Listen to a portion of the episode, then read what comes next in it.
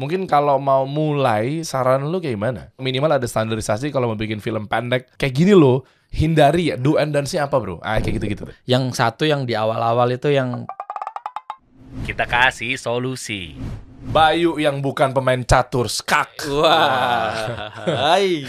kan biasanya skak kan ada catur-caturannya kan. Satu. Skak, bentar, itu ada urusan bahasa Jawa ya? Bagaimana sih? Bukan, skak itu sebenarnya singkatan, Mas. Boleh deketin lagi bro? Ya, Hmm. singkatan yang eh, skak itu sekumpulan arek kesel. Sekumpulan anak yang capek. Oh, kesel tuh capek. Kalau di Jakarta tuh kesel tuh kayak marah. Nggak marah. Gue bingung, bini gue tuh ada Jawa Timurnya. Oke. Ada. Jadi kadang kesel kesel, gue bingung awal-awal. Enggak, aku nggak kesel gitu loh. Iya. Aku nggak marah gitu. Enggak capek. Capek. Kamu kesel toh? Kamu kesel tah? Iya, kamu kesel tak? Ya, Ya. itu nah apa capek itu jadi kayak ya bisa bisa juga kan kesel itu kan juga capek Iya, juga iya, kan iya, kayak iya. uh capek deh gue sama lu eh enggak juga sih tapi lebih ke capek karena saya dulu tuh ini mas eh, animasi kan di SMK-nya itu animasi Ah, Oke.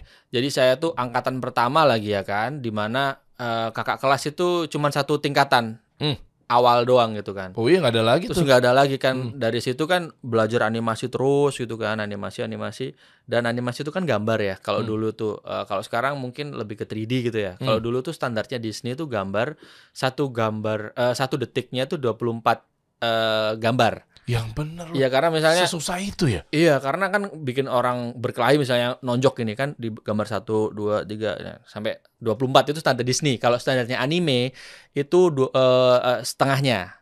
12. Ya, 12 eh, per detik gitu kan. Leb- makanya kan lebih lebih kasar kan gerakannya gitu. Kalau Disney kan lebih halus gitu kan. Ah. Nah, dari situ kan capek tuh dari pagi SMK itu kan pulang itu sore, Mas. Jam 5-an, jam 4-an gitu kan ya Oke. ketika pulang itu eh, bukannya malah pulang gitu kan ya malah di sekolah nongkrong gitu kan ya kita tadi dapat apa ya di di pelajaran tadi oh dapat eh, kan dapat videografi sinematografi juga penulisan naskah juga dapat oh kenapa sih kok kalau syuting itu eh, kenapa harus ada eh, extreme close up? Kenapa kok ada medium shot? Kenapa kan ya di, dipraktekin gitu Oh, kan pakai oh, oh. kamera HP dulu tuh. Pakai kamera HP terus dari situ ya bikin video lucu-lucuan sekalian lah gitu ya. Udah lucu-lucuan gitu kan dari situ namanya apa nih gitu ya lah sekumpulan anak yang lagi capek bukannya pulang malah di sekolah gitu kan skak gitu ya Skak gitu ya. Oh dari situ. dari situ Bukannya Skak. pulang. bukannya banyak, pulang Banyak shot lagi. lah iya malah Malah, malah, lo mau lagi ada di dunia itu. Udah tahu ribet. Mending gue podcast. Hah? Lu kan bikin juga film. yang gini enak Iya kan enak. Ya kan? ngobrol-ngobrol Terus editingnya pakai apa? AI. iya iya iya Eh? Ngapain lu kerja capek-capek bikin film? Iya Yowis band satu, dua, Dah. tiga. Hah? Di video.com. iya Dia yang pakai lagi bukan ada di YouTube loh. Gila udah mulai tajam ya. iya Gini bro, kita bahas gini. Eh, Oke. teman-teman pengen dapat insight-nya lah. Ya, ya kita tahu dulu perjalanannya lo seorang youtuber, Baik. akhirnya sekarang jadi sutradara atau director lah ya. Mm-mm. Eh, lo banyak sekali sekarang ngeluarin film-film yang buat ambil ibroh atau pelajarannya tuh gini. em, hal-hal yang kayak gini-gini kan banyak yang mereka nggak paham. Mm-mm. Mungkin gimana sih cara bikin film pendek? Mm-mm. Gimana sih cara bikin film lo itu nanti bisa muncul di kancah ya minimal nasional lah. Mm-mm. Dan seterusnya gitu kan. Apakah harus lo syuting di Paris, Mm-mm. di LA, di luar negeri kan pada ngejar-ngejar begitu. Duh. Jangankan film, Bro. Mm-mm. Jualan baju aja bela-belain ikutan fashion show di sana. oke Ya kan? Bikin billboard di New York Times Square. Maksud Ya. gua eh, mohon maaf, kan marketnya di Indonesia gitu. Mm. Ngapain lo pasang di sana? Oh, buat gengsi, ada. Mm. Macam-macam lah. ya kita bahas sampai akhirnya video lu tuh sebenarnya lu masih hidup masih ini YouTube lu kehack ya? Hah, YouTube lu kehack. iya pak Apa sih? Ini udah, aduh dari kapan ini cuman ngupload satu bulan satu kali, satu bulan kadang Gua- tiga bulan satu kali. Iya. Makin curiga gue sama orang-orang pemain lama di YouTube. Iya. Terus sekarang udah makin sibuk, makin berkembang. Kayak lu udah kacang lupa. Tidak dong. Kulitnya kayaknya Tidak Anda. dong pak. Tiga juta orang menanti Anda, tapi Anda sekarang udah beralih profesi. Oh, kita belokin 3 jutanya, kita belokin ke yang lain. gitu. Ya mending ada teasernya di sini kan mereka nggak tahu. Ada pak, teasernya doang dapat di sini tuh. teasernya Ya udah kita doang. bahas deh dari awal deh. Iya baik pak. Jadi awalnya gimana sih sebelum lu konten YouTube dulu deh? Lu anak orang-orang kaya atau gimana? Jauh dari kesan kaya lah saya kan ini. editing lu udah awal-awal udah keren, berarti alat lu udah proper. Tidak, dulu tuh wah ini juga bisa dibuka di sini Coba juga dibahas sih. deh. Heeh. Dulu tuh masih nge-crack pak. ini Mas, apa eh, Anda jahat sekali berarti. Iya itu ya? dulu di awal. Kriminal Di dong. awal. Ini di awal ya teman-teman. Ini jangan jangan dicontoh ya. Saya ini salah ini saya ini. Saya Iya. dulu nggak beli Premiere. Kalau sekarang udah semua editor saya Premiere-nya yang ori gitu kan. Kalau dulu tuh eh di awal itu nge-crack dulu karena nggak punya duit buat beli yang asli gitu. Itu Hmm. dibalik di tahun di awal-awal saya ya seperti tadi saya bilang kan saya sekolah SMK animasi di dalam animasi itu juga diajarin editing maksudnya selaras lah dengan apa yang saya kerjakan sekarang gitu kan Oke. dan basicnya dulu Ad- Adobe gitu kan ya Hmm. Eh, Adobe Photoshop Premiere itu saya su- sudah lanyah lah udah bisa semua lah gitu Hmm, hmm. dari situ saya eh, melihat bahwa oh ya udahlah nge-crack dulu gak apa-apa lah ya gitu terus udah udah dapat keuntungan dari YouTube itu 2009 pak 2009 2010 saya mulai nge- bikin-bikin video 2011 2012 baru tahu bahwa YouTube itu bisa mendapatkan keuntungan Oh bukan dari awal ya? bukan Gue termasuk pemain baru juga sih di YouTube. Gue pikir dari awal udah ada kayak keuntungan-keuntungan oh gitu. tidak dulu di awal itu enak loh YouTube enak dalam Oh. artian YouTube itu bisa eh, apa ya pakai lagunya orang secara bebas kalau sekarang kan di band ya Copyright. copyright. Jadi Ah. dulu tuh video-video saya yang lama itu juga banyak yang di ban karena pakai lagunya Justin Bieber, pakai lagunya Kena. Blink One itu kena gitu kan. Ah. Sekarang gitu. Dulu juga eh apa ya? Bikin viral itu enak gitu loh. Hmm. Dulu tuh algoritmanya simple banget. Kalau misalnya mau viral katakanlah oh yang lagi rame kan Justin Bieber tuh. Mm-mm. Videonya di di eh, judulnya di copy, eh deskripsinya di copy semuanya, thumbnailsnya di copy. Ah, oh iya. bisa langsung jadi videonya Justin Bieber di bawahnya video lo nih. Bisa. Oh triknya begitu. iya dulu. Jadi orang buka gitu cuman orang joget-joget gini doang. Tapi yang nonton bisa jutaan dan dan belum tahu kalau bisa bisa dapat duit kan da- dari dulu Oke. itu. Jadi di awal itu kan memang ya untuk meluapkan keisengan itu diupload ke media sosial gitu kan. Di awalnya ditunjukin ke teman-teman deket aja tapi ternyata kok nyebar gitu loh kan Eh. dari situ keterusan dan da- di tahun 2012 itu baru saya menseriusi karena di awal itu saya berbicara tadi bilangnya saya tuh kaya atau enggak ya kan Oh enggak tuh. Enggak tadi kan pertanyaan kan kaya atau enggak gitu Oh Lu- kaya atau enggak? Iya. Gue dengernya sorry sorry tonggak gitu. Iya, Oke iya. oke. Kaya atau enggak ya? ya Terus? jadi kayak dulu tuh di awal bahkan saya tuh bisa dibilang bohongin orang tua sih Anda selain kriminal, eh, tidak anak durhaka juga tidak ternyata dong ya. tidak Hah? enggak Loh, bener dong. Saya sekarang ada di Corbusier Podcast. Iya. Kami tergabung. Om Deddy kan dekat sama TNI. iya iya Saya Ya dekat sama. BNPT. Ya FYI aja sih. iya iya Hmm, saya dekat sama kepolisian jadi Anda mau pilih yang mau dihukum sama yang mana? Enggak, enggak, enggak. udah insaf saya udah insaf Enggak, enggak, enggak. Bercanda ini dulunya dia ya. Iya. Sekarang dikit-dikit lah. Jadi terus, terus. dulu tuh di awal saya ini mas eh, sempet bohongin orang tua itu ini mas Der apa kamera. Jadi kamera itu kan di awal yang seperti saya, saya tadi ceritakan kamera cuma kamera HP ya. Ah. Itu kan ngeblur ngeblur gimana gitu orang cuma 3 megapiksel. Ya Allah. Terus dari situ kan saya pingin hasil video saya harus bagus nih gitu. Berarti harus punya kamera yang lebih bagus. Dulu tuh masih belum tahu DSLR kan itu udah uh jauh di atas rata-rata lah. Maksudnya yang punya itu kayak uh anak orang kaya nih gitu. Mhm. Dulu tuh Canon 5D itu juga kayak uh Oh iya, 5D bener. udah kayak wah 5D. 7 aja 7D aja masih dibilang Aduh, kaya, itu Bro. tuh bagus sudah itu dulu tuh. 22 juta tuh sekali Iya. keluar tuh. Iya, itu itu itu dulu ya. Dan saya minta ke orang tua saya itu kamera eh, handycam.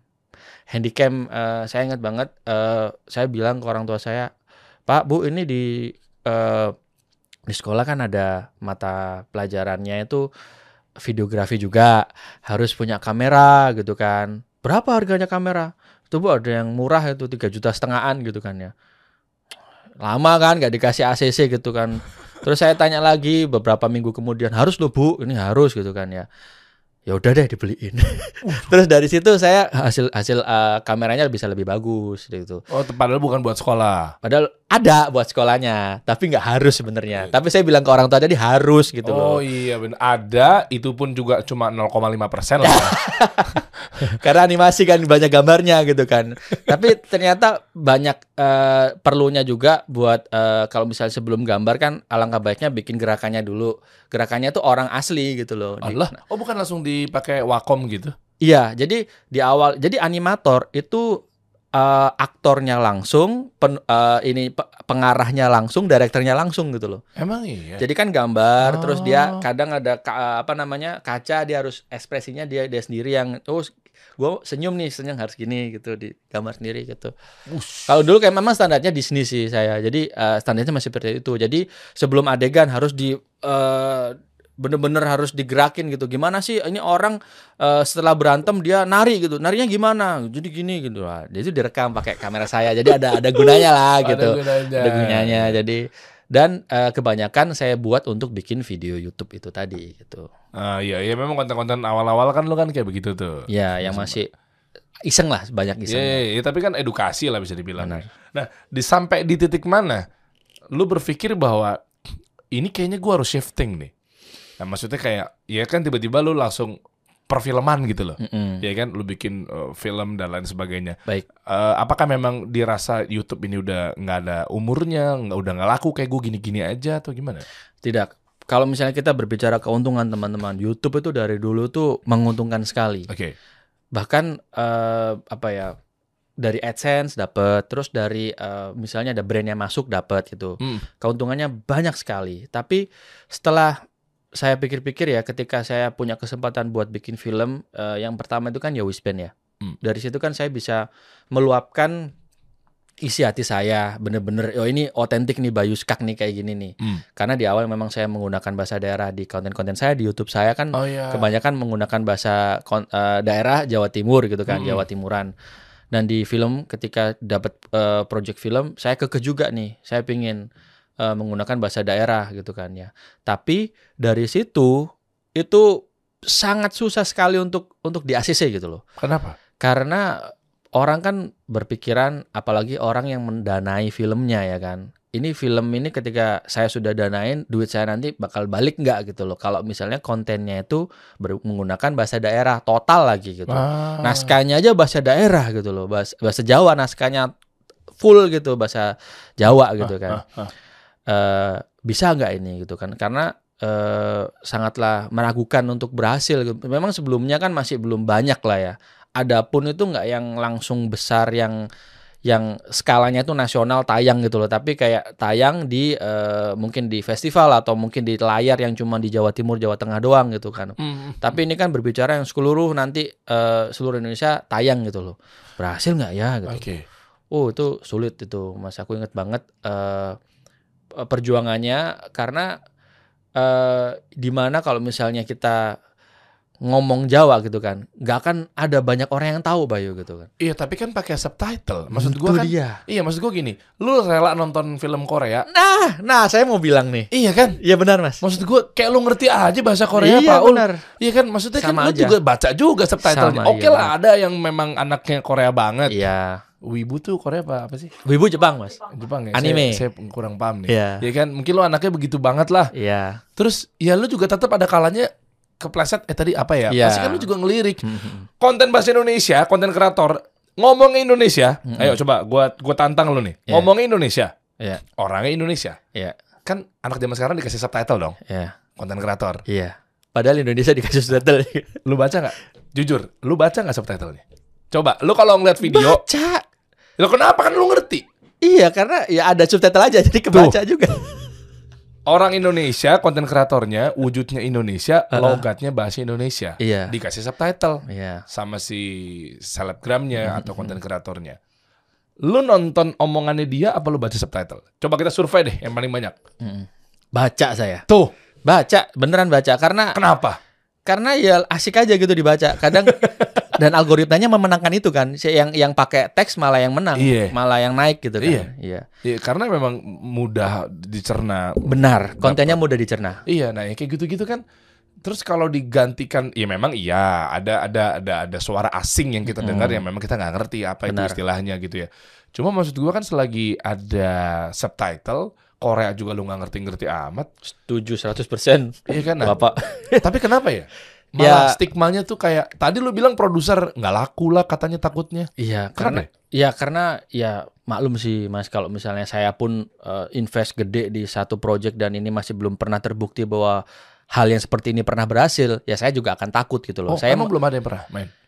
Pernah yang saya bilang tadi kan eh, jatuhnya itu film festival Heeh. yang full berbahasa daerah ya, film festival atau kalau nggak gitu film yang tayang di bioskopnya tuh nggak menyangkup seluruh nasional gitu loh.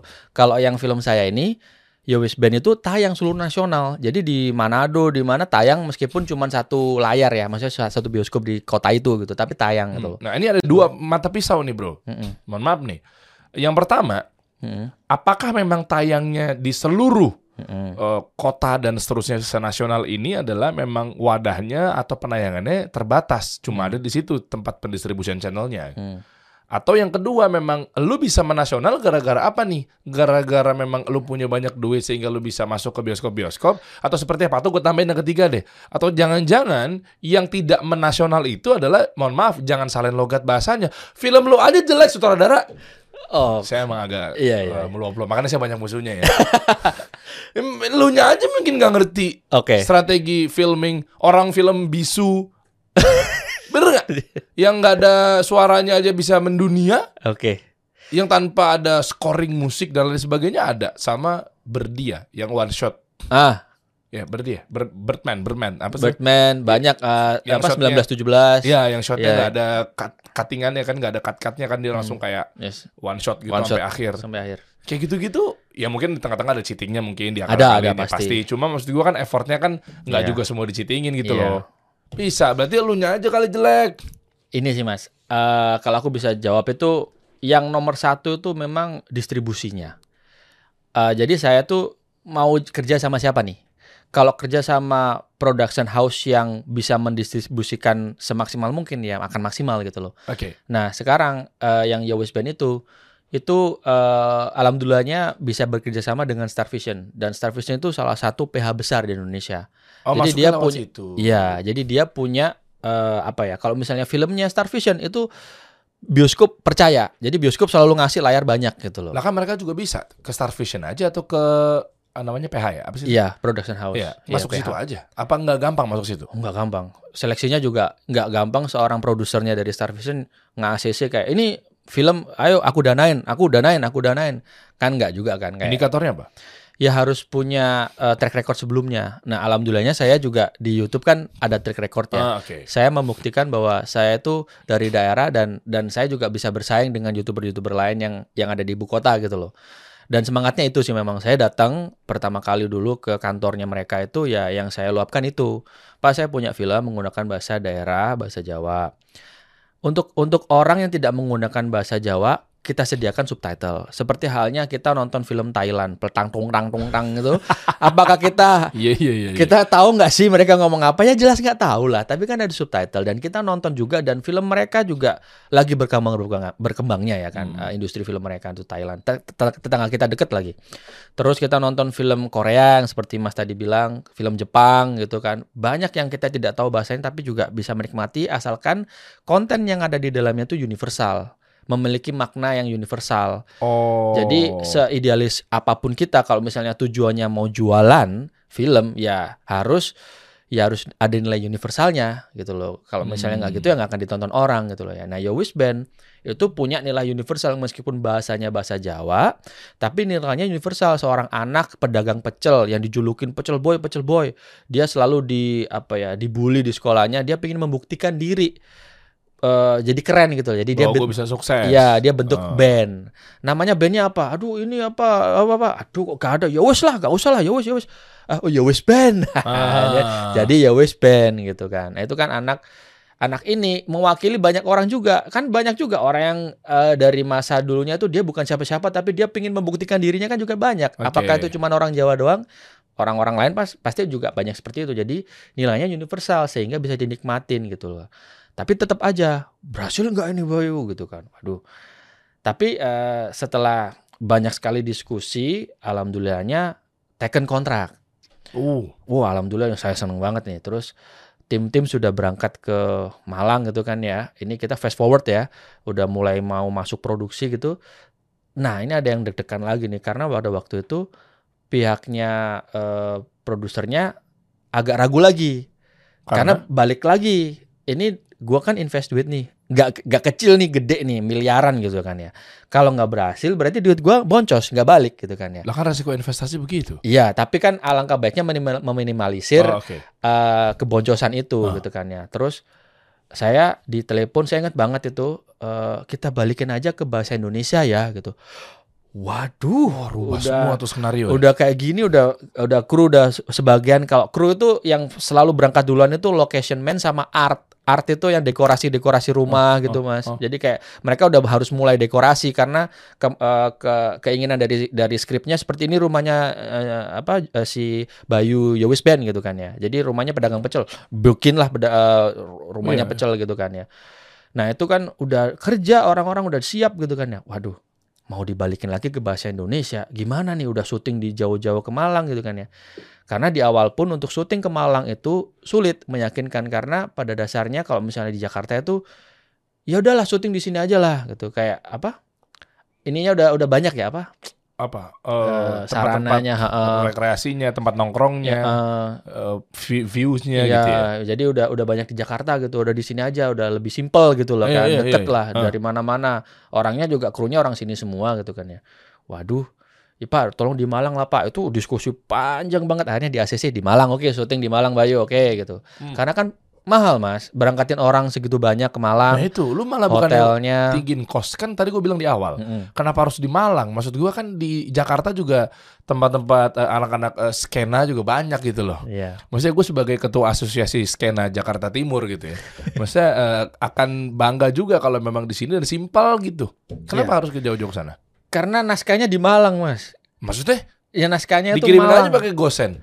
Bukan. Naskah sih? Na- naskahnya itu letak lokasinya tuh Malang Ini gitu. diganti aja. Di, ya, itu juga pemikirannya produsernya sih. Yaitu ada sudut-sudut di Jakarta yang mirip Malang lah ya kan. Ah, ah. Terus ntar orangnya dimendok-mendokin aja gitu loh.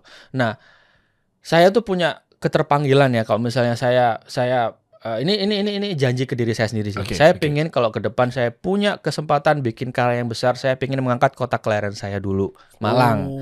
Saya pingin di Malang gitu kan. Karena semangat yang saya coba untuk luapkan adalah desentralisasi. Karena Oh, oke. selama ini tuh selalu sentralisasi. Jakarta saja yang perputarannya tuh kenceng banget. Oh, oh, oh, oh, Jakarta sentris banget sekarang. Benar, ya. Contoh misalnya kita mulai dari belakang layar dulu deh. Ya, Krunya. kru. Emang kru, iya? Kru itu terbentuk semuanya tuh solid eh, bagus kerjanya tuh Jakarta saja. Karena apa? Persyutingan di sini semua. Jadi orang bener-bener udah syuting berulang kali kan keterampilannya kan terasah kan ya. Iya, kan? iya, iya. Nah, di di luar dari Jakarta gitu lah kan. Ya kita berbicara kota apa kota terbesar kedua. Kemarin saya Loroti kan di Surabaya. Itu udah jomplangnya jauh. Padahal ini kota kota kedua terbesar di Indonesia Oh, loh ini, oke. Surabaya. Jomblangnya udah jauh. Nah, saya tuh pengen narik ke Malang dulu di Owis Band itu kan di Malang. Itu pengen untuk ya Malang harus terangkat. Karena ketika syuting itu ada di sana, itu banyak yang terangkat Mas UMKM satu. Oh, ekonominya jadi ngangkat. Benar, Mas. Itu itu hal yang sangatlah harus disegerakan gitu loh. Kita terlambat untuk untuk untuk untuk kayak gitu gitu loh. Hmm. Karena selama ini kan orang eh, selalu saja ya pengen eh, kalau misalnya pengen kayak hype gitu kan syuting di luar negeri gitu kan ya. Iya, iya. Devisanya ke sana semua. Sayang banget itu yang harusnya Keren. bisa ke ke kita gitu loh. Ya, ya, ya, ya gue paham. Kalau lu syuting di luar, pasti kan devisanya malah buat negara luar gitu. Iya. Ya kan lu produksi di sana, Iya. lu makan di sana, Heeh. lu nginep di tempat di sana iya, dan seterusnya. Benar. Itu yang menjadi persoalan ya kalau lu di sini, apalagi terutama bukan Jakarta sentris lagi Mm-mm. dan masih banyak loh sebenarnya kru-kru atau SDM yang oke-oke banget, nggak harus Jakarta juga gitu. loh. Iya, Tapi ternyata lu buat di Malang, Malang. ekonominya, devisanya, pertumbuhannya Naik. kan buat kota Malang. Iya. Sebagai contoh, Oh. kami syuting ada di eh, eh, lokasinya tuh Kampung Warna-Warni ya. Oke. Ya alhamdulillahnya sekarang Kampung Warna-Warni itu masuknya tuh ke lokasi syuting Yowis Band itu ditarifin sama warga lokal karena memang nggak apa-apa karena itu Oh, jadi tempat enak. wisata, Iya, wisata. heeh. Ah. Dan itu 100% buat mereka gitu kan bagus gitu. Itu salah satu Oh, contoh. oke. Terus UMKM-nya Mas itu bisa keangkat juga.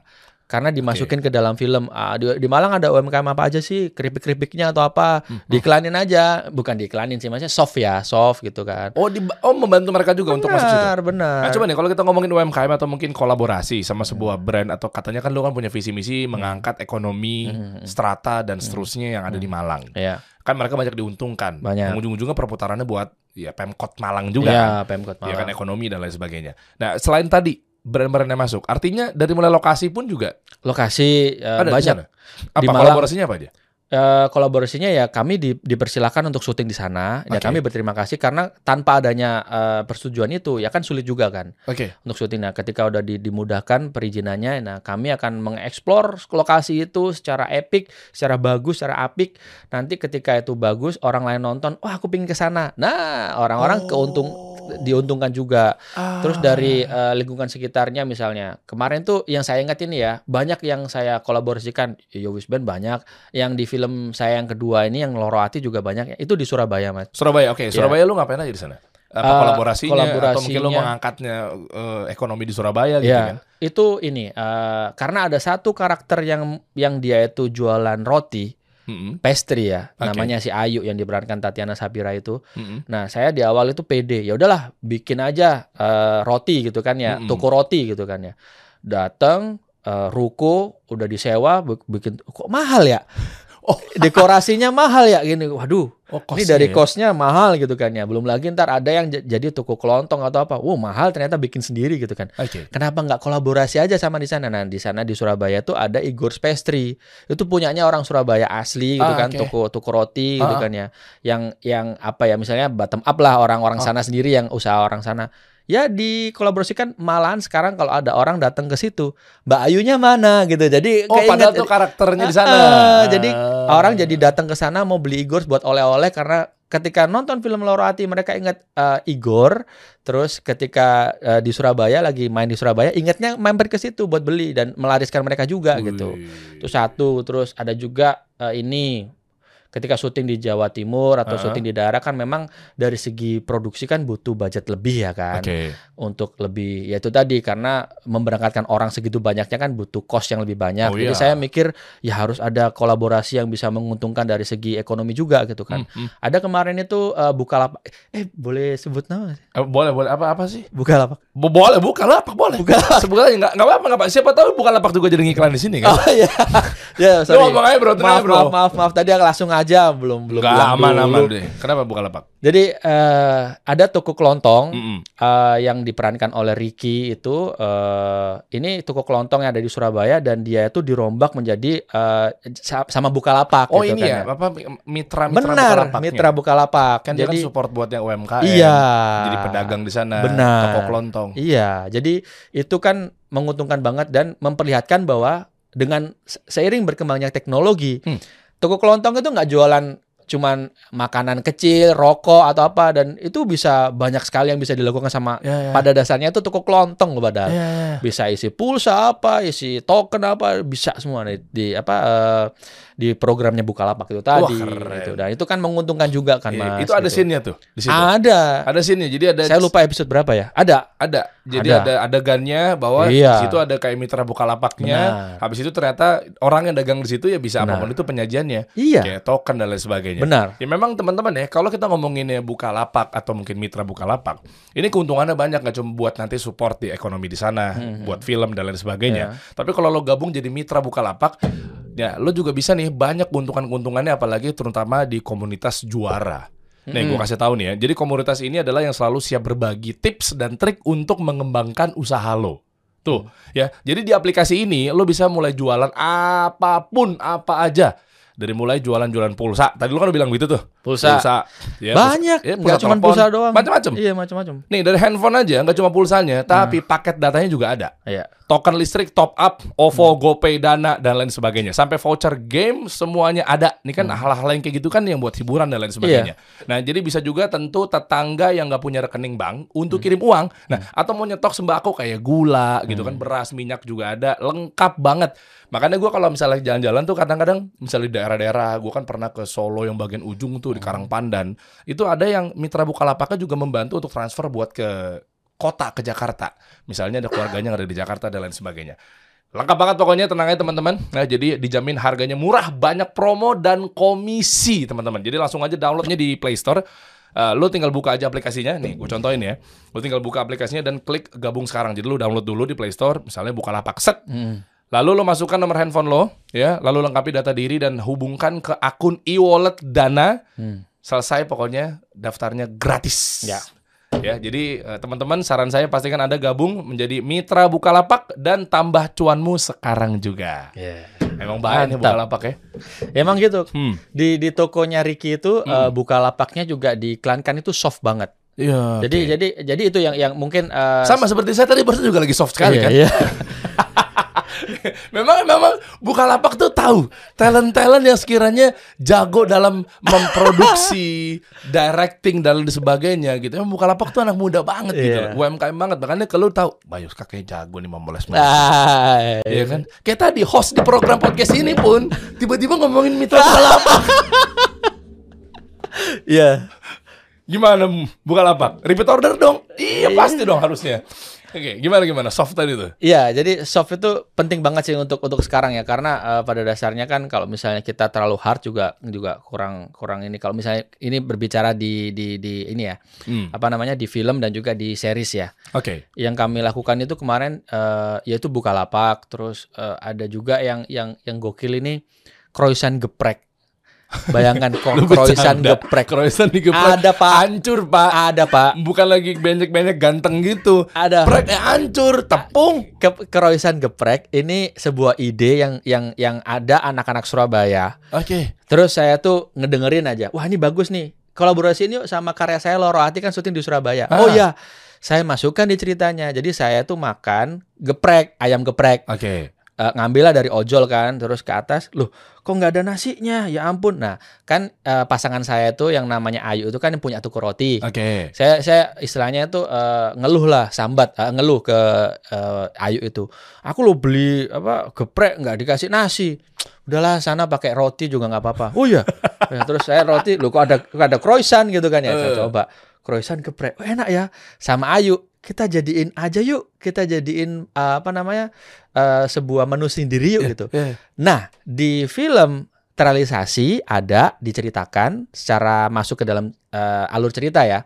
Di dunia nyata project eh, produknya juga ada dijual. Oh. Nah, gitu. Jadi itu yang dimaksud dengan soft itu tadi. Gila. Enggak ujuk-ujuk langsung croissant geprek enak gitu. Enggak lah. Ah, kan itu wah, hard, Kok hard gitu banget, sekali ya. iya. Dan itu punya kreasi dan kreativitas masing-masing ya. Iya, Nggak banyak. semuanya bisa main di ya mohon maaf ya. Hmm. Eh, saya scroll scroll di Mm-mm. adegan-adegan di TikTok, di Mm-mm. Reels itu kan eh, macam-macam. Banyak Mm. kreator-kreator yang memang dia repost dari sinetron-sinetron yang ada di TV. Ya, itu hard banget itu. Eh, Maksud saya mohon maaf Pak, ya. Pak, ada juga yang kayak gini nih. Allah. Apa eh, apa namanya? Ini ini oh, ya ampun banget nih. Apa namanya? Kerajaan ya, kerajaan. Iya, iya, iya. Tiba-tiba makan mie instan. Wah, mie instan ini enak kerajaan habis silat cong cong cong cong cong. Enggak maksud gue. Ini sekalian deh, mumpung ada director depan Iya. gue deh. Kita bahas ya bro. Iya. Sampai nanti gue juga mau nanyakan kalau gimana caranya bikin film tapi ternyata ada banyak batasan-batasannya. Misal Hmm. si pemain film, ya, si sutradaranya, penulis skenario nya pengen banget bikin misalnya tanpa musik, scoring, bisu dan lain sebagainya. Nanti lu jawab deh. Ah, tapi sebelumnya bahas yang tadi tuh. Em, kenapa sih mereka tuh kayak di sinetron-sinetron tuh adegannya nggak bisa dibikin soft? Apa memang kliennya yang batu gitu udah dikasih tahu, Pak, ini saya kami bantu ya Pak, tenang aja Pak. Enggak, kita pengennya langsung produk gitu di depan gitu loh, kayak nih ini kan per- ini apa minuman ya perfect tuh kalau bisa di sini gitu kita makannya adegannya di sini kayak kelihatan gitu atau gimana sih maksudnya? Eh, apa nggak bisa gitu Bisa. bikin alur ceritanya? Bisa. Lorati bisa kok. Nah, itu gimana sih? Lorati buka lapak aja soft banget dan orang-orang nggak terganggu kok. Ya nah, iya bener. Iya, jadi buka gini. lapak aja nggak keganggu ya? Iya. Memang buka lapak setahu saya memang setelah buka lapak dia buka rezeki juga sih, masya Allah. Buat teman-teman UMKM juga kan, Iya. ngebantu banget. Gimana Banget. gimana? Jadi kalau misalnya ini ini ini ini saya ya. Hmm. Ini ini cuman Bayu saja yang bilang. Itu males sih. Karena Ah. terlalu banyak produksi yang lain dan Iya. semuanya itu juga harus digarap gitu loh kan. Terus ada iklan masuk. Ya udah gitu aja deh gitu. Jadi gitu. Udah duga Nah, tuh. saya Hmm. itu saya all out di karya saya ini. Ketika ada brand masuk dan saya eh, kerabat lah ya, maksudnya kalau misalnya tadi eh, croissant geprek itu kan kerabat saya yang masuk, yang saya kenal lah sama orang yang punya. Terus buka lapak masuk gitu kan ya. Nah, saya akan pikirkan bagaimana caranya dia masuk ke dalam alur cerita secara halus. Karena kalau misalnya nggak halus itu nggak enak buat brandnya. Kalau ke saya, saya masukin ke dalam cerita. Karena kalau dalam cerita itu nggak akan bisa dihapus.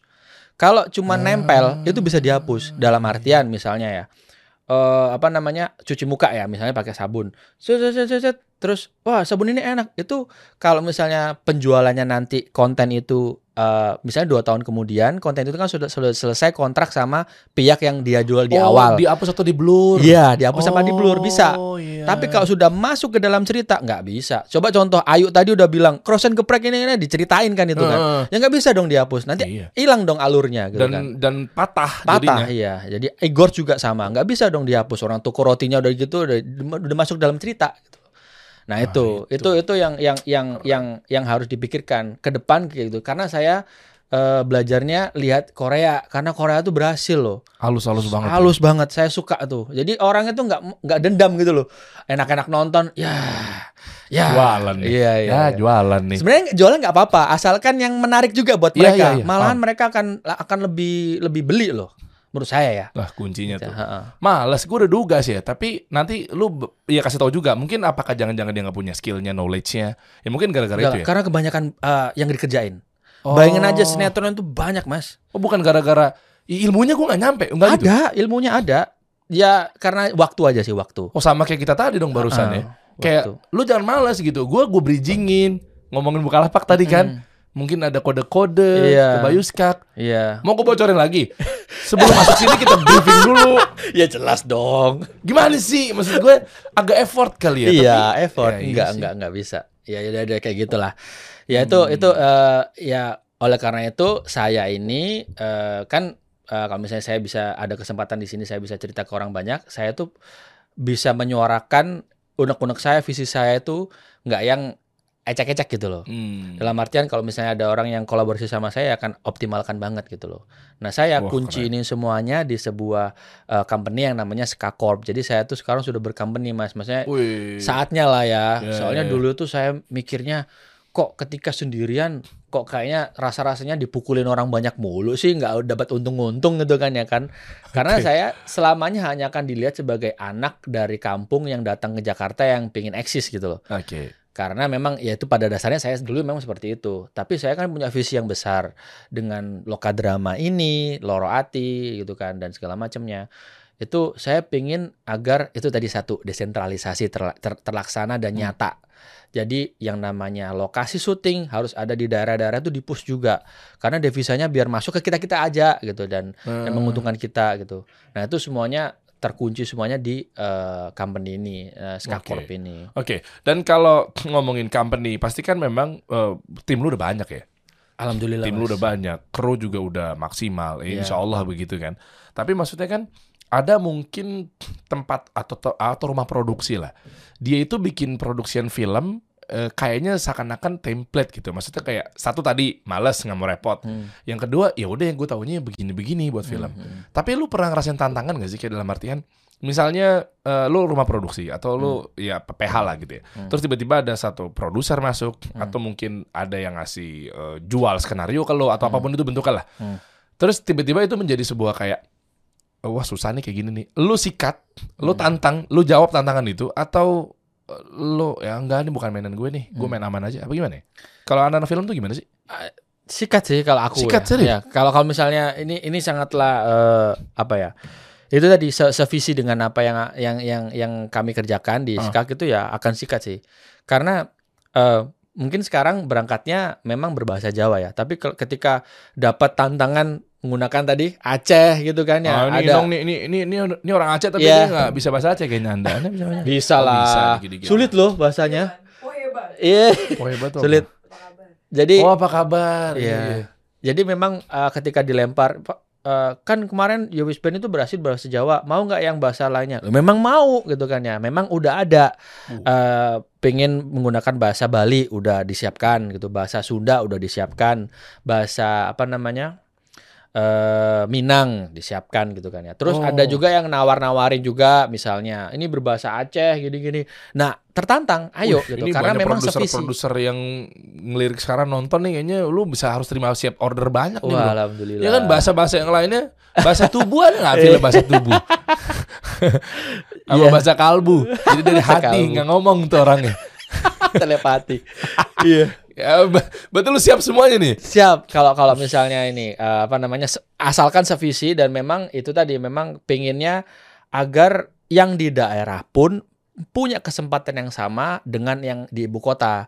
Karena selama ini kan ya balik lagi yang saya bilang tadi, ibu kota itu yang paling kenceng karena memang persyutingannya banyak di sini. Oke. Bisakah kita eh, mengalihkan persyutingan yang banyak itu di- dialihkan ke daerah-daerah lain sehingga daerah tersebut bisa terangkat, kita bisa tahu orang sana itu bagaimana sih berkomunikasinya menggunakan bahasa daerah mereka yang selama ini kita dipersatukan dengan memang bahasa persatuan bahasa Indonesia. Namun alangkah sweetnya ketika kita melihat saudara kita yang jauh di Aceh, oh ternyata mereka kayak gitu ya bahasanya ya.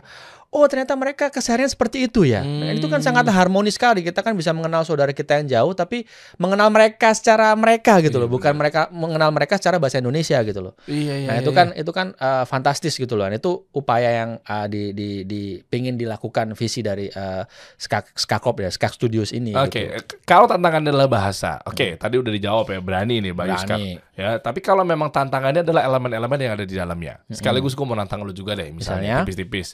Contoh, film itu kan biasanya kan apa sih? Eh, Scoring, scoringnya Hmm. dihapus.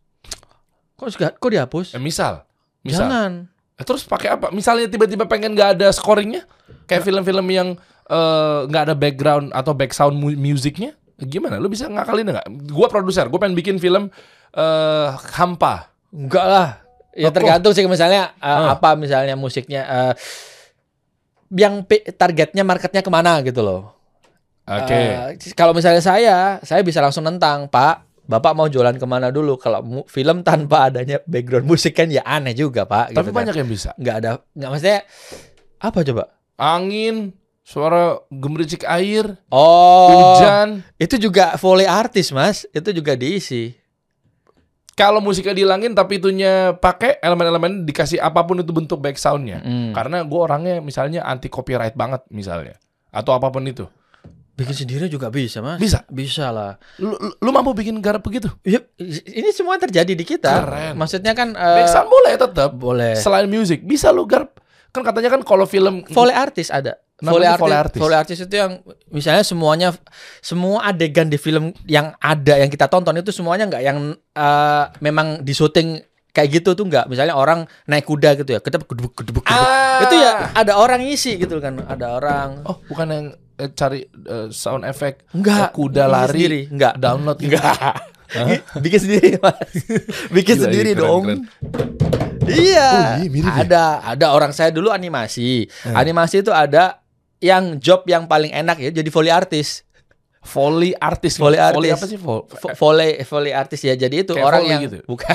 Iya, maksudnya eh, kata-kata spellnya Iya, foley. foley, foley oh, artis. foley artis. Iya. Oh, Oke. Jadi eh, orang yang ngisi backsound gitu yang ya apa namanya yang kayak suara angin itu diisi beneran. Pedang ting ting ting itu Iya. nggak ada. Kalau syuting itu hening itu nggak ada, tapi biar megah gitu kan ya di AC sama dia. Ting ting ting ting gitu. Tuh, bisa berarti. Bisa. Mungkin kan ada orang yang keterbatasan dia nggak punya referensi musik apa segala macam sehingga mungkin jangan-jangan "Ah, harus pakai musik kali biar terkenal nih, biar cepat Hmm. naiknya sih. Tapi ternyata banyak ada cara-cara yang lainnya yang eh, tadi ya kayak back sound atau foley artis. Bikin sendiri bisa. Bikin sendiri. Seniat itu kayak Iya dong. lu nembak aja kadang bukan suara tembakan tapi kan mungkin Iya. oh ya Enggak, enggak jangan suara tembakan kurang kurang crispy, kurang kurang enggak menjual gitu loh. Memang ada suara sendiri. Ah, oke. Gitu. Jadi buat teman-teman, mungkin kalau mau mulai, saran lu kayak gimana? Contoh misalkan, apakah memang harus langsung seproper lu, atau minimal ada standarisasi kalau mau bikin film pendek kayak gini loh, hindari ya, do and dance-nya apa bro? Ah, kayak gitu-gitu. Oke, kalau misalnya eh, mau bikin film pendek atau mau mulai gitu ya kan, yang satu yang di awal-awal itu yang patut dipunya itu keberanian dulu. Karena pada dasarnya mereka kebanyakan itu punya skillnya punya, tapi nggak berani. Ya Udahlah, janganlah. Ya udahlah, jadi ngekor aja selamanya, Ah, ikut aja, iya. ikut ikut. Tapi nggak mau membuktikan sendiri gitu lah. Itu pertama. Yang kedua, ya itu tadi kalau misalnya pun nggak punya perlengkapan yang proper dan apa pun itu ya kan, ya kan bisa kolaborasi Oke, gimana maksudnya? Contohnya? banyak banget eh, konten kreator misalnya saya pun ya saya di Malang atau atau mungkin eh, anak-anak lain yang ada di kota-kota lain di Jakarta gitu kalau misalnya berhubungan dengan intens dan baik gitu kan misalnya Mas pinjem kamera ya. Aku pinjemin gitu loh Oh iya. Iya, jadi nggak apa-apa. Jadi kalau misalnya ada kan kayak, Mas, aku pengen bikin film tapi kok nggak bisa eh, punya kamera yang bagus, gini gini gini, nanti hasilnya kurang gitu kan ya. Nah, saya merasakan itu dan saya dulu bohong ke orang tua saya dari Ah. daripada nanti dia bohong ke orang tuanya. Ini nih keren. kamera nih, nih silakan uh, ambil apa nggak ambil sih, uh, pinjem gitu kan ya, Ah. pinjemin atau lensa gitu-gitu. Tapi banyak juga kok eh, persewaan-persewaan yang juga bisa kolaborasi asalkan itu tadi masuknya sebagai iklan itu juga Hmm, bisa barter ya. barter. Jadi nanti bisa jadi eh, di eh, apa namanya credit title dan segala macamnya. Nah kalau gitu. udah punya nama mah enak bro, lu barter barter lu pasti dikasih bayuskak. Lah kalau Iya. yang baru mulai gimana? nih? Mau barter? Iya. Dia nggak dikenal, mas barter. Iya. Lah kok niku lapo? Lo lo kok iso kok iso cuman. Iso. Itu, itu, itu, itu tadi barusan Jawa Timuran lo. Timur loh. Iya, itu- gue kan iya. anaknya Jakarta banget, bini gue timur banget. Tetap tahu dari bini. Iya, iya. Bini gue kalau lagi ngobrol sama mertua gue atau ibunya dia, Iya. ngomong bahasa Jawa, timur, Ah. fix pasti dia lagi ngomongin gue. Masa Kayaknya. banyak yang diomongin kali Mas? Enggak lah. Kayaknya Ya gitu sih. Kayaknya ngomongin. Makanya itu kenapa hukum suzon itu dilarang ya? Iya. Bahaya tuh. Tadi kan bilang lapo kan? Kok niku lapo? Lah, kon itu lapo. Kon itu Jawa Timur. Kalau Paham. Jawa Tengah itu kowe kan. Kowe iki ngopo lah. Kalau Ah. Jawa Tengah itu gitu. Kon-kon gitu ya. Kon. Iya ta. Iya, ta, bukan toh. bahaya, nggak bahaya ta. Nah, itu Jawa Timur. Jawa Timur tuh ya. Ya. Oh berarti kalau capres ngomong nggak bahaya, tadi udah mengambil suara orang-orang Jawa Timur ya. Mungkin. Heeh. Nggak bahaya ta. Nah, itu. Terus apa namanya? eh, balik lagi kayak yang tadi ya. Kalau Hmm. misalnya eh, Ya anak-anak gimana kalau belum terkenal? Ya, anak-anak yang belum terkenal sih, ya semuanya sih punya eh, kesulitan pada awal di awal mereka merintis lah ya. Saya pun juga seperti itu. Saya tadi juga cerita di sini bagaimana saya sampai segitunya melakukan hal-hal yang bisa dibilang tidak terpuji dan jangan dicontoh ya itu ya. Itu ya upaya untuk karya saya harus terlaksana gitu loh. Oh berarti bangun personal brand dulu ya? Mm. Ah, caranya mungkin kalau lo pengen misalkan lebih mudah untuk barter, ketemu sama Hmm. klien, pintu ruang ke production house hmm. atau ke tadi Star Vision dan lain Ya. sebagainya. Nggak tahu ya, lo bisa tambahin ya. Kalau versi gua, berarti kalau contek polanya Bayu Skak, lo bangun personal branding dulu tuh. Hmm. Lo sebagai content creator, lo kuatin value lo sehingga kan lo begitu naik punya masa minimal di deck atau di presentasi lo lo bisa lihat, bisa tunjukin Hmm. nih lo gue sekarang udah punya segini subscribers Mhm. akhirnya mau nggak minimal lo dapat barteran selain di film gue bisa bantu story deh Mhm. gitu gak sih Ya, bisa lu kan juga gitu kan Bisa, Nggak mungkin dari awal gitu. tiba-tiba bikin film kan Iya, nggak kan bertahap kita ya teman-teman ya Hmm. nggak langsung film nyel gitu. Saya pun dulu, Mas, itu ketika dikasih kesempatan bikin film, saya tuh nggak dulu loh. Saya tuh kayak menjauh dulu karena saya takut kayak, loh, saya tuh youtuber loh bikin film satu setengah jam dua jam kan orang biasanya bikin video cuman 10 menit gitu kan Iya. ya gimana ceritanya padahal saya uh, track record uh, sekolah itu dapat semua saya kuliah pun juga masuk ke animasi lagi gitu ya kan di mana Hmm. yang lebih intens lagi pengajaran videografi, sinematografi, fotografi, penulisan naskah semua dapat. Delala teman-teman saya youtuber yang lain bikin film. Hmm. Saya jadi kayak loh ngapain saya takut gitu kan ya. Ah. Oleh karena itu saya tadi bilang nomor satu yang dipunya harus berani. setelah ilmu dong Iya. ya kan pasti kan ilmu dulu tuh lu kan Maksud- punya ilmu maksudnya- dulu Mau ngegas-ngegas kalau nggak ada ilmunya gimana nih Ya maksudnya teman-teman juga nggak yang sekolah film, nggak sekolah animasi. belajar nggak sih maksudnya tiba-tiba aku harus Iya berani iya iya iya iya iya iya ya. Benar juga. Iya. Ada wawasan lah ya ke sana. Ah. ada awasan dulu dan dan keberanian itu diperlukan banget karena kalau misalnya nggak gitu nggak nggak bisa gerak sih saya dulu kalau misalnya eh, si teman-teman saya yang youtuber nggak bikin film saya juga nggak loh karena saya tuh merasa ter- terpacu gitu loh loh anak-anak kok berani ya padahal aku lihat gila si Jovi malah ini apa nuklir dia kuliahnya bikin film oh iya apa Jovi itu Lopez ya iya isi UI, UI kan Iya, ya. Terus Nuklir loh, ya. kok, kok kok kok berani gitu kan ya. Saya malah dapat eh, ilmunya. Ya, saya hanya berani gitu kan ya. Itu sih terpacu. Dan Wah, keren. rivalitas juga penting sih teman-teman. Kalau misalnya kalian di lingkungan kalian ada teman-teman kalian yang memang bikin film pendek dan lain-lain dan kalian nggak mau kalah itu memacu kalian banget Iya bener dalam arti positif loh kayak gitu Iya, loh. positif loh. tuh. Memang Jadi, positif. Jangan menganggap kompetitor itu kayaknya lu dengki Iya, dirimu loh. jangan. Karena Justru malah memacu lu ke, oh dia bikin ya, Nah. gue harus lebih. Mm, bener. Bener tuh. Keren. Memang Gitu sih. kayak begitu-begitulah. Makanya ya buat teman-teman kayak tadi misalkan lu mau produksi di Malang atau Surabaya itu juga menjadi satu motivasi ya. Hmm. Jadi teman-teman yang sekarang di daerah pun juga kayak lah kita maksa harus buat di Jakarta. Film itu kan Ya. konotasinya kan Jakarta Ya. mulu.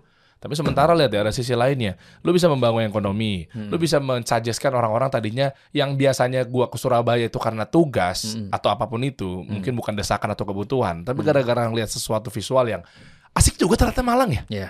Asik juga ternyata Surabaya ya. Akhirnya Asik kan juga ternyata Jogja, Solo dan Ah. segala macam. Wah, keren. asik juga ternyata buka lapak ya, misalnya Iya, gitu. iya. Karena kan ngeliat di adegan film. Ya. Iya loh, Eh. asik loh. Lokasinya Bukalapak di mana? Coba. Kalau lu anaknya Bukalapak banget, kalau lu nggak bisa jawab, parah. Di mana coba lokasinya? Ya itu tadi toko kelontong kalau saya. Salah. Apa? Bukalapak di sini lokasinya. Oh. kalau kolaborasi sama saya di toko kelontong, Mas.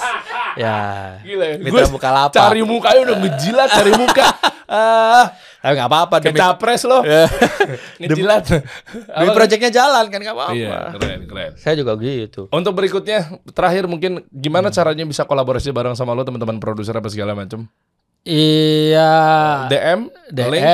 eh, biasanya sih eh, teman-teman juga yang di Jakarta semuanya udah udah tahu nomor saya lah maksudnya Hmm. bisa langsung ini itu Dan juga me- bisa call kan di Instagram saya juga. Oh oke, dan menjanjikannya banget gak sih? Gue nggak tahu ya menjanjikan dalam arti gimana ya, tapi eh, film soalnya kan gue juga ya siapa yang nggak mau gitu punya film, punya karya dan lain sebagainya gitu. Cuma maksudnya dari segi margin kita bahas bisnis sedikit aja Hmm. sebelum nanti lu kasih tahu gimana caranya ngontak lo dan lain sebagainya. Eh, apa untungnya gede gak sih? di Gede. film ya. Iya. Film itu eh, Kos produksi berapa paling murah? Eh, film itu ya cost produksi itu yang yang manusiawi itu di antara 5 m sampai 6 m lah. Oh manusiawi ya. Itu manusia dalam artian manusiawi karena Oh. dengan budget segitu syuting itu bisa lebih panjang. Kalau budget-budget kayak 50 juta, 100 juta gitu bisa bikin film gak sih? Bay? Bisa. Serius? Lo bisa, asalkan ya, yang bikin mahal itu kan satu, krunya berapa dulu. Terus kamera yang digunakan apa? Kalau misalnya kamera yang digunakan sama film yang memang advance gitu kan ya, dia tuh pakai Ari. Ari satu hari berapa udah? Ari apa sih? Ari Alexa. Ari Ari, Ari Alexa. Ari itu itu cuma ada di Amerika dan Ari itu Iya. merek apa? Ari merek merek Ari. Namanya Ari ARI. ARR ARRI. Oh. ARRI. Ari Alexa Mini. Oh ini udah di atas Canon Sony gitu gitu. Wah, harganya aja miliaran tuh kamera. Oh oke. Ya itu, itu kan itu itu kan mahal gitu kan ya. Iya. Kalau misalnya kita standarnya mana dulu kalau misalnya ratusan juta kan jatuhnya kan film pendek atau short movie gitu kan. Iya ya. iya iya. Itu bisa. Terus belanja belanja pemain. Mm-mm. Pemainnya mau siapa dulu? Kalau misalnya pemainnya yang eh, memang aktor ya kan yang memang udah berkecimpung lama ya harganya bener-bener di luar nalar gitu lah ya kan. Kalau misalnya memang mau yang simple dan apa ya ya tergantung sih. Nah, Hmm. kalau 5 sampai 6 itu eh, itu itu sangatlah manusiawi. Oke. Karena syutingnya bisa lebih lama, Mas. Karena kan satu hari syuting kan dihitung berapa tuh Hmm. cost produksinya. Iya, iya, iya. Kalau misalnya syutingnya lebih lama, katakanlah 30 hari gitu ya, Iya. satu bulan gitu kan ya. Mm. Satu harinya bisa menyelesaikan empat adegan. Kan enak, empat adegan tuh, lima adegan tuh enak. Ah, sehat oke. lah. Syutingnya Biasanya kan syuting sehat. Satu hari ada satu adegan doang tuh ya. Itu Hollywood tuh. Buset. Hollywood tuh, Mas. Segitu segitunya tuh produksi bagus banget ya, sampai sampai ratusan miliar ya. Iya, Produksinya bisa lebih bahkan. triliun, Mas. Triliun biaya produksi masa sih ngapain? Iya. Tril- Syutingnya nyewa apaan? Ya Nyewa, istana negara. Spider eh, Hah? CGI yang mahal. CGI itu mahal banget. Karena kan eh, CGI yang bagus itu kan eh, orang yang ngerjain di baliknya kan banyak, Mas.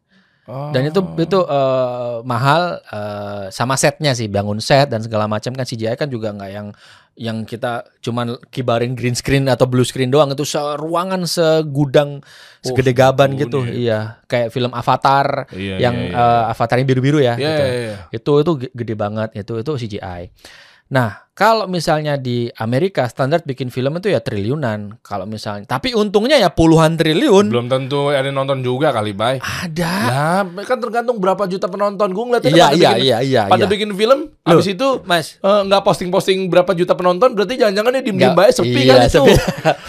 Iya. Kan katanya kan kalau bikin film tuh kalau aktornya itu dia sampai Alhamdulillah ya. Iya. eh, eh, 6 jam sudah ditonton 2, 2 juta penonton. Eh. Wow, congratulations. Ada yang syuting filmnya udah tayang tapi dia nggak aja. update apa-apa. Ya. Pasti kan alhamdulillah sepi. Iya, memang gitu. Ya tadi kan di awal pertanyaannya kan untung nggak sih film itu enak nggak sih Untung. keuntungan? Untung kalau kalau memang lagi untung banget karena untungnya film itu bisa sampai jackpot. Bayangkan ini ini ini pengalaman saya yang saya saya eh, apa namanya yang terjadi ya di Hmm. Yowis Band ya. Kalau di Yowis Band dulu tuh eh, budget filmnya tuh tergantung eh, apa ter- tergolong kok tergantung tergolong kecil lah ya karena Oke. memang project pertama saya Oke. dan tidak apa namanya tidak tidak yang neko-neko lah ya nggak ada CGI nggak ada apa yang Oke. yang simple lah ya Iya. film komedi ringan keseharian gitu kan itu dengan budget 2 eman lah produksi ya kan 2 eman setengah atau Itu produser kan, sponsor kan? Bukan lu kan keluarin duit kan? bukan Produser kan? ya produser Berarti kita nge-apply nawarin iya proposal gitu. Ya, oleh Oh, karena oke. itu tadi kan saya bilang bahwa kalau orang udah invest gede sampai miliaran dan ternyata uangnya nggak balik kan takut juga kan. Jadi Iya, iya. saya kan juga memaklumi oh produser ini takut karena menggunakan bahasa daerah gitu ya udah. Tapi saya akan meyakinkan kan. Saya meyakinkan dulu ketika saya dulu yakinkan Pak ini pasti berhasil Pak sampai Ya. saya bener-bener itu terbang dari Malang ke Jakarta lagi karena udah siap syuting. Orangnya masih takut. Gini aja deh Pak sebelum 500 ribu penonton saya berani nggak dibayar deh gitu. Ditulis di kontrak Mas ditulis karena saya belum punya track record sebelum sebelum apa pun di dalam perfilman ya. Seperti yang tadi jenengan Iya, bilang iya. kalau misalnya eh, apa namanya ya itu enak bay. Eh, udah punya follower. Kalau yang nggak punya follower gimana? Sama saya juga dulu gitu. Saya nggak punya track record di film tapi ujuk-ujuk saya bikin film yang kayak gini gitu yang yang aneh gitu. Yang misalnya Hmm. ya belum ada orang yang bikin. Ya, orangnya takut eh, wajar dong gitu. Nah saya meyakinkannya gimana? Ya saya bilang gitu tadi. Ditulis di kontrak jadi kontrak saya tuh lucu. Ada ada pasal itunya di adendum gitu kan. Jadi saya deg-degan banget itu. Waduh eh, berhasil nggak ini film 500 ribu penonton ke atas gitu kan ya? Ternyata boom. ternyata alhamdulillah ya ampun. Wih, Masya Allah. ya masya allah ini ya Allah memberikan jalan lah. Karena saya ketika udah udah udah di tanda tangan tuh kontrak dan ada pasal itu masa ketika saya pulang minta saran ke anak-anak dan anak-anak marahin saya lu gila lu bay. Lu berani banget sih. Lu balik gak tuh duit? Waduh. Terus masa saya balik ke orangnya? Pak pak nggak jadi deh pak. Eh, malu banget.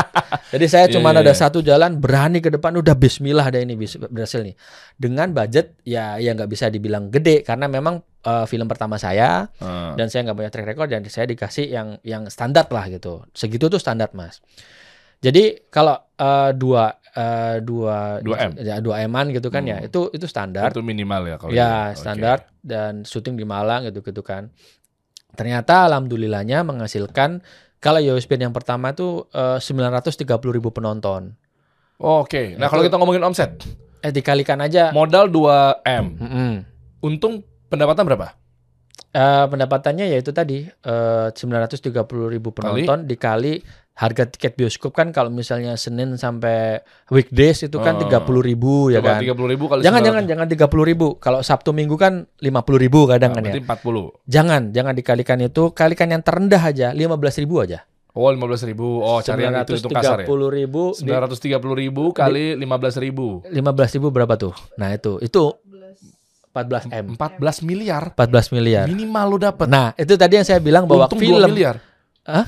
Jenengan untung Bukan, bukan saya yang untung, kan uh, produsernya yang untung karena saya nggak ikut kulo tanya. Nggih, Kulo tanya. nggih.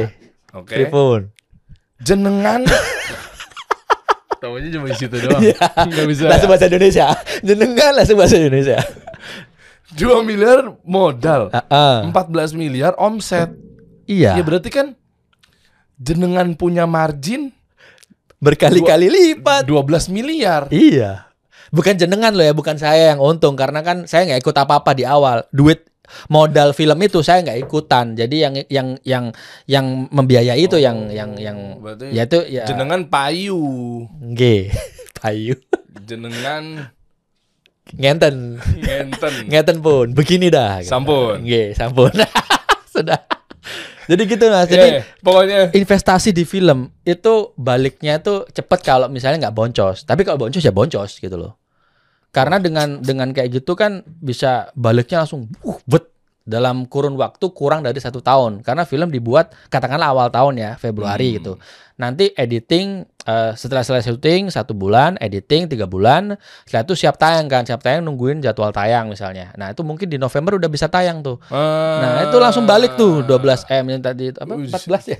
14 Ya, tuh. miliar men. Nah itu Tuh, nah itu Ya. sebuah keuntungan dalam film lah gitu. Ya pokoknya buat teman-teman produser atau yang lainnya, tadi kalau teman-teman ya memproduksi film ya tadi udah dapat ilmunya atau mungkin mau kolaborasi dan lain sebagainya ya kan Iya. siapa tahu Bukalapak mau gabung lagi, mau join lagi. Iya dong, harus dong buka lapak. Gue memang anaknya Bukalapak banget. Iya. Pokoknya apa pun itu. Iya. Nah, jadi mungkin lu bisa kontrol aja langsung sosial medianya Bayu Skak, lu cek Iya. di situ, lu DM kayak lu apain, eh, mungkin lu banyak lah ya kontak-kontak teman-teman udah pada paham. Iya itu paham kok. Itu kan ada message ada ada, ada kontak kok kalau dibuka di HP ya.